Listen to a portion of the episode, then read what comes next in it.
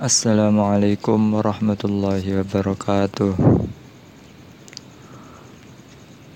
Ila hadd Nabi Mustafa Sayyidina Muhammad sallallahu alaihi wasallam wa ila rahi abaihi wa ummahati wa zurriyati wa ikhwanihi min nabi dan mursalin wa ala kullin wa ashabi kullin ajma'in Al-Fatihah A'udzu billahi minasyaitonir الحمد لله رب العالمين الرحمن الرحيم مالك يوم الدين إياك نعبد وإياك نستعين. اهدنا الصراط المستقيم صراط الذين أنعمت عليهم غير المغضوب عليهم ولا الضالين. رب اغفر لي الوالدي وللمؤمنين آمين. بسم الله الرحمن الرحيم. قال المؤلف رحمه الله تعالى ونفعنا به وبعلومه في الدارين آمين. بسم الله الرحمن الرحيم. الحديث الأول الأعمال بالنيات. عن أمير المؤمنين أي روي عن أمير المؤمنين ربان أبي حفص. Rupane Umar bin Al-Khattab radhiyallahu taala anhu qala Sami'tu krungu sapa ingsun Rasulullah ing Rasulullah sallallahu alaihi wasallam yaqulu hale ngendika sapa Rasulullah Ngendikane pripun innamal a'malu aing pestine utawi sae pira-pira amal iku binniyati kelawan pira-pira niat Wa inna malikul limri'in wa inna malikul limri'in lan. Aing pastine ku tetep kaduweni saben-saben awa-awaan ma utahe perkara nawa kang niat sapa imri'in ing ma. Mula sangka niku faman mongko utahe sapane wong iku kanat ana apa hijratuhu hijrah iman iku ilallahi maring Allah wa rasulihi lan utusane Allah Ya fa hijratuhu mongko utawi ini man iku ilallahi tumuju maring Allah wa rasulihi lan utusane Allah.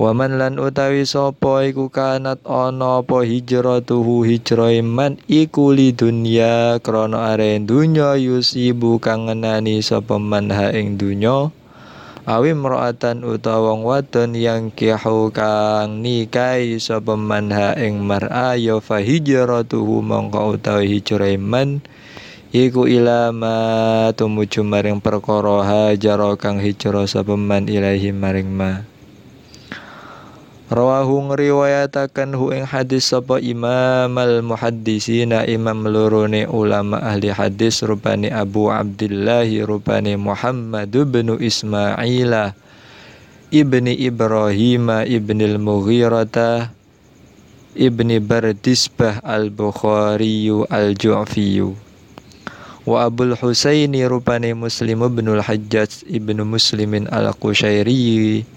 An-Naisaburi fi sahihaihima Alladzaini rupani sahihaihima huma kang utawi alladzaini iku asahul kutubi luwe sahih sahih pira-pira kitab al-musannafati kang den kirang. Bismillahirrahmanirrahim. Hadis ingkang pertama punika niki jelasaken tentang pentingnya atau sangat pentingnya yang dinamakan dengan niat. Hadis ini dibawakan atau diceritakan oleh salah satu sahabat Rasulullah yang bernama Sayyidina Umar ibn al-Khattab. Beliau di sini dijuluki dengan nama Abi Hafs. Kalau kita artikan hafaz itu na, nama dari sebuah macan.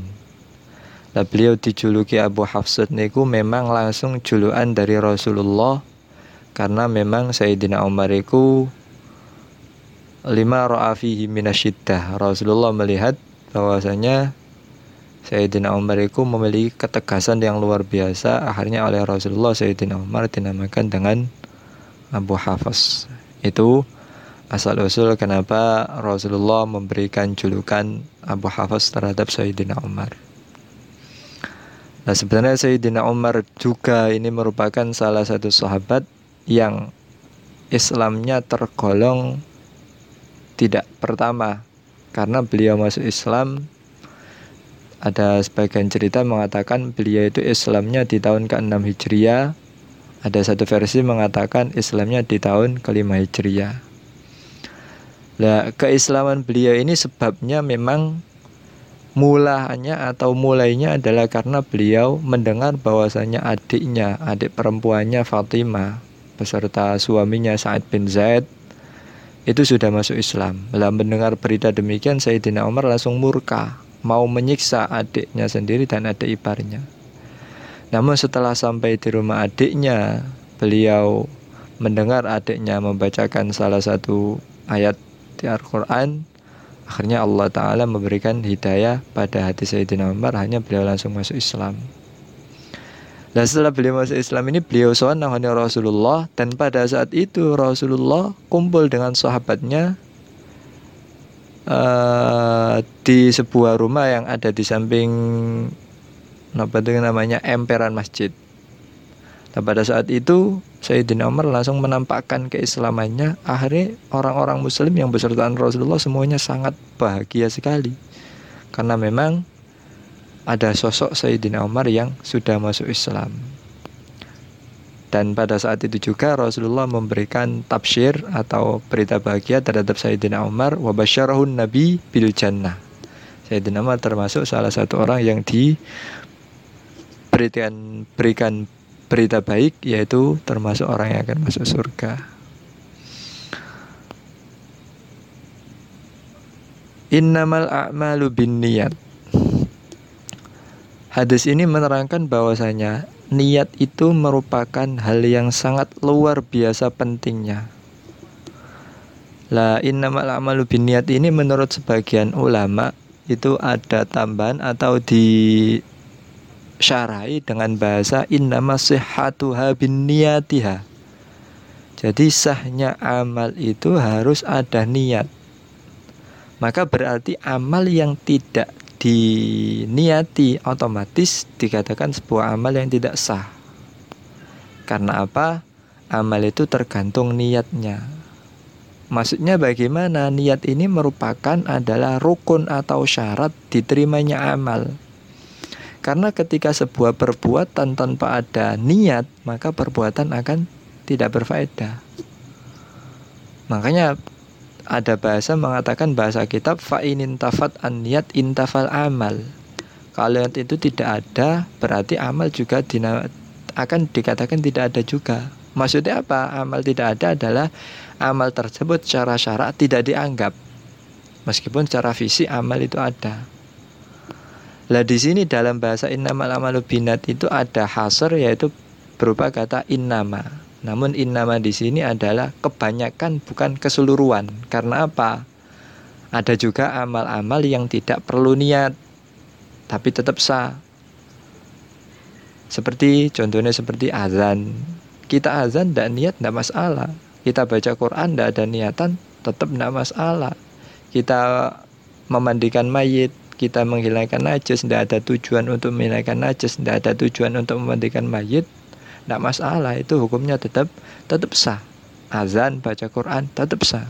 Karena apa? Itu amalnya amal yang memang tidak membutuhkan niat. Makanya dikatakan bahwasanya hasr atau innama di sana adalah kebanyakan amal itu sahnya tergantung niatnya bukan keseluruhan amal. Berarti masih ada amal-amal yang tidak diniati namun tetap sah seperti yang dikatakan tadi. Wa inna malikul limri'in manawa. Jadi setiap manusia atau seseorang itu sesuai dengan apa yang diniatinya. Ai jaza'u manawahu amalihi. Baik itu baik ataupun itu sebuah amal yang buruk, itu tergantung niatnya. Uh, dari perkataan wa inna malikul limri'in manawa ini bisa kita ambil kesimpulan bahwasanya manusia itu bisa mengambil manfaat baik atau manfaat buruk perbuatannya itu tergantung dari niat. Orang akan bisa merasakan amal baiknya juga tergantung niatnya. Orang bisa merasakan amal buruknya juga tergantung niatnya. Makanya niat itu sangat vital sekali dalam sebuah perbuatan manusia. Seperti ada sebuah cerita di sana dikatakan bahwasanya ada dua saudara. Yang salah satu itu memang orangnya dari kecil sampai tua itu ahli ibadah terus. Tidak pernah meninggalkan ibadah yang sudah menjadi keistiqomahnya itu. Yang satunya itu ahli maksiat luar biasa. Akhirnya apa? Ada gangguan dari iblis. Kedua-duanya ini didatangi iblis suatu ketika. Iblis itu datang kepada saudara yang memang ahli ibadah. Dan iblis berkata pada orang tersebut e, kalau bahasa Jawanya eman sekali. Kamu telah menyanyiakan umurmu selama ini. Dari mulai kali kamu hidup sampai usia sekarang kau telah menghabiskan umurmu dan mempersulit hidupmu memperberat tubuhmu hanya dalam ketakwaan, hanya dalam ibadah kepada Tuhanmu. Ya sekali-sekalilah kata iblis, sekali-kalilah kau menikmati indahnya dunia. Akhirnya iblis ini atau godaan iblis ini berhasil merasuk ke jiwa saudara yang ahli ibadah ini. Sampai terbesit dalam hatinya, seandainya aku bisa ikut apa itu bawur atau itu berkumpul dengan saudaraku yang ada di bawah mungkin aku bisa merasakan kenikmatan dunia. Kemudian ketika nanti aku sudah merasakan kenikmatan dunia aku akan tobat lagi. Itu dalam benak hatinya lah iblis juga memberikan bisikan kepada saudaranya ahli maksiat dan saudaranya ahli maksiat tersebut sadar dari mabuknya dia melihat dirinya terbuang di bawah lantai dengan kondisi yang sangat mengenaskan dan seperti kondisi orang gila. Artinya dalam dalam hatinya terbesit, aku telah menyanyiakan umurku selama hidup ini hanya dalam kemaksiatan. Seandainya aku bisa menikmati sedikit saja ketaatanku kepada Tuhanku, aku ingin berkumpul dengan saudaraku di atas. Kemudian dia taubat dan niat untuk melakukan kebaikan. Akhirnya saudara yang ahli maksud ini bertujuan untuk naik ke atas menemui saudaranya ahli ibadah. Ternyata saudaranya ahli ibadah juga punya niat yang sama, pengen merasakan nikmat dunia, ingin merasakan nikmatnya apa yang ada di dunia ini, dia turun. Lah pada saat itu Allah Ta'ala mentakdirkan saudara yang di atas kepleset dan menjatuhi saudara yang di bawah, kedua-duanya mati. Akhirnya apa? Fasokoto ala akhihi. Dia jatuh di atas saudaranya. Fawakoah keduanya mati. Akhirnya orang yang ahli ibadah mati dengan niat maksiat, yang ahli maksiat mati dengan niat to toat. Inilah membuktikan bahwasanya pentingnya niat kebaikan itu sangat luar biasa. Karena apa? belum tentu amal kita itu baik tapi niatnya tidak baik. Maka dari itu niat itu memang yang menentukan segala-gala galanya. Makanya bisa dikatakan wa inna malikul limri'in ma manawa seperti yang ada di cerita tadi. Dalam hadis pula dikatakan bahwasanya uh, Allah ta'ala yaqulu lil hafazati yaumal qiyamat uktubu li abdi kaza wa kaza minal ajri fayaquluna ya rabbana lam nahfal zalika minhu wala huwa fi sahifati fayaqulu Allah taala innahu nawahu dari hadis ini juga diceritakan bahwasanya ada seorang hamba di hari kiamat itu diberikan Allah Ta'ala kitab Kemudian dia menerima kitab dengan tangan kanannya Termasuk dari orang-orang yang baik mestinya karena bisa menerima kitab dengan tangan kanannya. Setelah dia buka di kitabnya, dia menemukan haji, jihad, sodako, dan hal-hal lain yang sama sekali dia tidak melakukan. Akhirnya hamba ini lapor kepada Allah Ta'ala. Tuhanku, ini bukan buku catatanku karena apa? Aku sama sekali tidak melakukan hal-hal yang tertulis di sini. Allah Ta'ala berkata, itu kitabmu. Karena apa itu kitabmu? Karena dalam masa hidupmu yang lama itu kamu sudah berkata dalam hatimu, lauka nalimalun seandainya aku memiliki harta aku pasti akan haji, seandainya aku memiliki harta aku pasti akan sodako, dan aku tahu niatmu. Karena niatmu itu benar, akhirnya kamu mendapatkan apa yang kamu niatkan. Ini luar biasanya dari pentingnya niat seorang ham, hamba. Hadis lain mengatakan niatul mukmin ablahu min amalihi wa niatul fajir syarrun min amalihi itu membuktikan bahwasanya niat itu sangat luar biasa pen pentingnya luar biasa.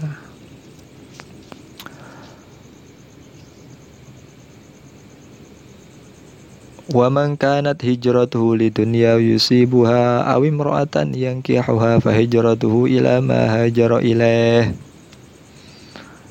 Dari lanjutan hadis ini ada bahasa faman kanat hijratuhu yang awal tadi ada istilah Faman kanat hijratu ilallahi wa rasulihi wa hijratu ila.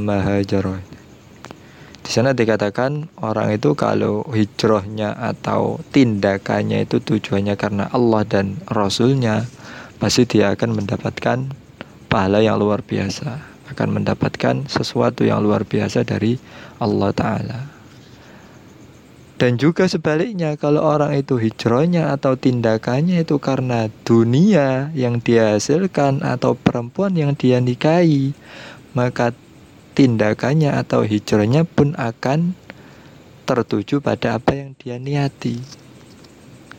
Berarti niat tersebut munsorifatun lahuma. Niat tersebut akan memalingkan tujuan kita ibadah kepada Allah Ta'ala. Nah di sini ada bahasa dunia dan imro'ah yang sebenarnya dunia itu sudah bisa mencakup kategori perempuan. Tapi karena memang perempuan itu memiliki sesuatu yang luar biasa sehingga dicantumkan dalam hadis tersebut. Antara dunia itu juga memasukkan perempuan, perempuan itu sebenarnya juga sudah masuk dalam istilah dunia. Kenapa kok diikutkan? Karena memang perempuan itu merupakan cobaan yang luar biasa atau merupakan fitnah yang luar biasa besarnya bagi kalangan anak Adam. Sampai dalam hadis yang diriwayatkan dari Rasulullah juga dalam Sahih Bukhari fi babin nikah ada hadis yang mengatakan bahwasanya ma taraktu finnasi ba'di fitnatan adarru ala rijali minan nisa. Aku tidak meninggalkan bagi manusia setelah kematianku fitnah yang lebih berbahaya untuk laki-laki dari fitnahnya perempuan. Karena apa? Li adamil istighna anhu. Karena apa? Laki-laki tidak mungkin bisa terlepas dari fitnah perempuan. Makanya dalam surat Yusuf ada bahasa inna kaidakun nazim ini menurut sebagian versi mengatakan bahwasanya uh, fitnah perempuan itu lebih besar daripada fitnah syaitan. Karena apa? Dalam ayat lain mengatakan inna kaida syaitani kana dha'ifa. Di sana dikatakan bahwasanya fitnahnya syaitan itu lemah. Tapi dalam surat Yusuf ada bahasa inna kaida kunna azim. Itu membuktikan bahwasanya fitnah perempuan itu luar biasa besarnya sehingga bisa menghancurkan segala sesuatu yang ada. Uh, intaha rawa hadal hadis Imam al-Muhaddisain yaitu Imam Bukhari dan Muslim. Nah, hadis-hadis yang diriwayatkan ini cerita sedikit hadis-hadis yang diriwayatkan oleh Imam Bukhari dan Imam Muslim itu bisa menjadi patokan atau bisa kita jadikan hujah. Karena apa? Imam Bukhari dan Imam Muslim ini memang terkenal dengan imam muhaddisin yang luar biasa. Jadi ulama muhaddisin itu membagi hadis sahih itu ada tujuh macam. Ini dalam keterangan itu ada tujuh macam. Pertama hadis sahih itu hadis yang diriwayatkan oleh Bukhari Muslim atau di sana dibahasakan mattafaqo alaihi syaikhani. Hadis yang disepakati oleh Imam Bukhari dan Muslim itu pasti sahihnya. Yang kedua, hadis bisa dinilai sahih adalah man farada bil Bukhari, hadis yang diriwayatkan oleh hanya Imam Bukhari. Yang kedua. Yang ketiga, man farada bihi muslimun yaitu hadis yang hanya diriwayatkan oleh Muslim juga yusama sahihan. Yang keempat, ma kharaja ala syartihima hadis yang keluar dengan melalui syartil Bukhari wal Muslim.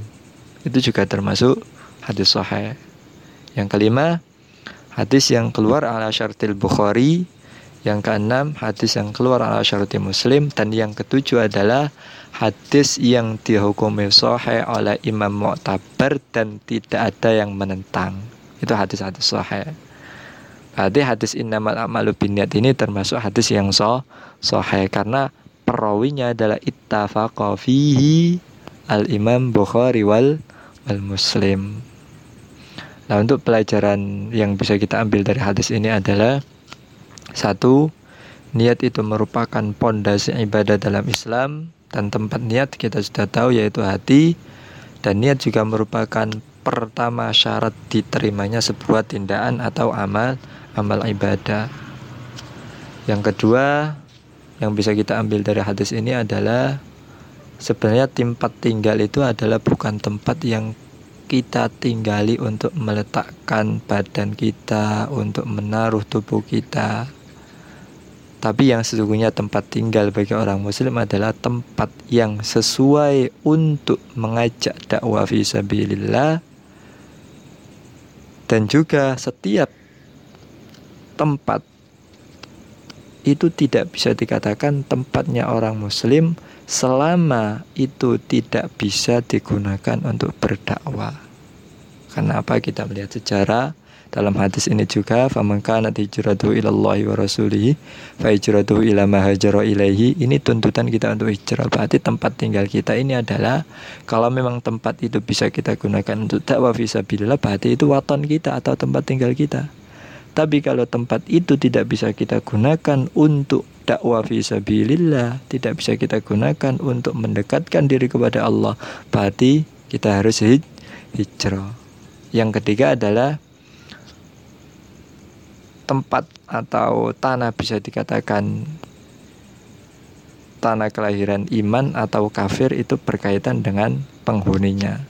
Setiap tanah yang dihuni oleh orang mukmin berarti itu ardu mukmin dan setiap tanah yang dihuni oleh orang kafir juga dinamakan ardu kufrin.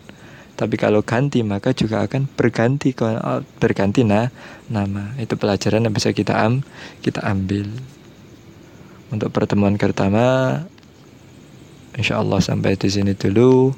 Kurang lebihnya mohon maaf. Ihdinas siratal mustaqim. Wallahul muwaffiq ila aqwamit thoriq assalamualaikum warahmatullahi taala wabarakatuh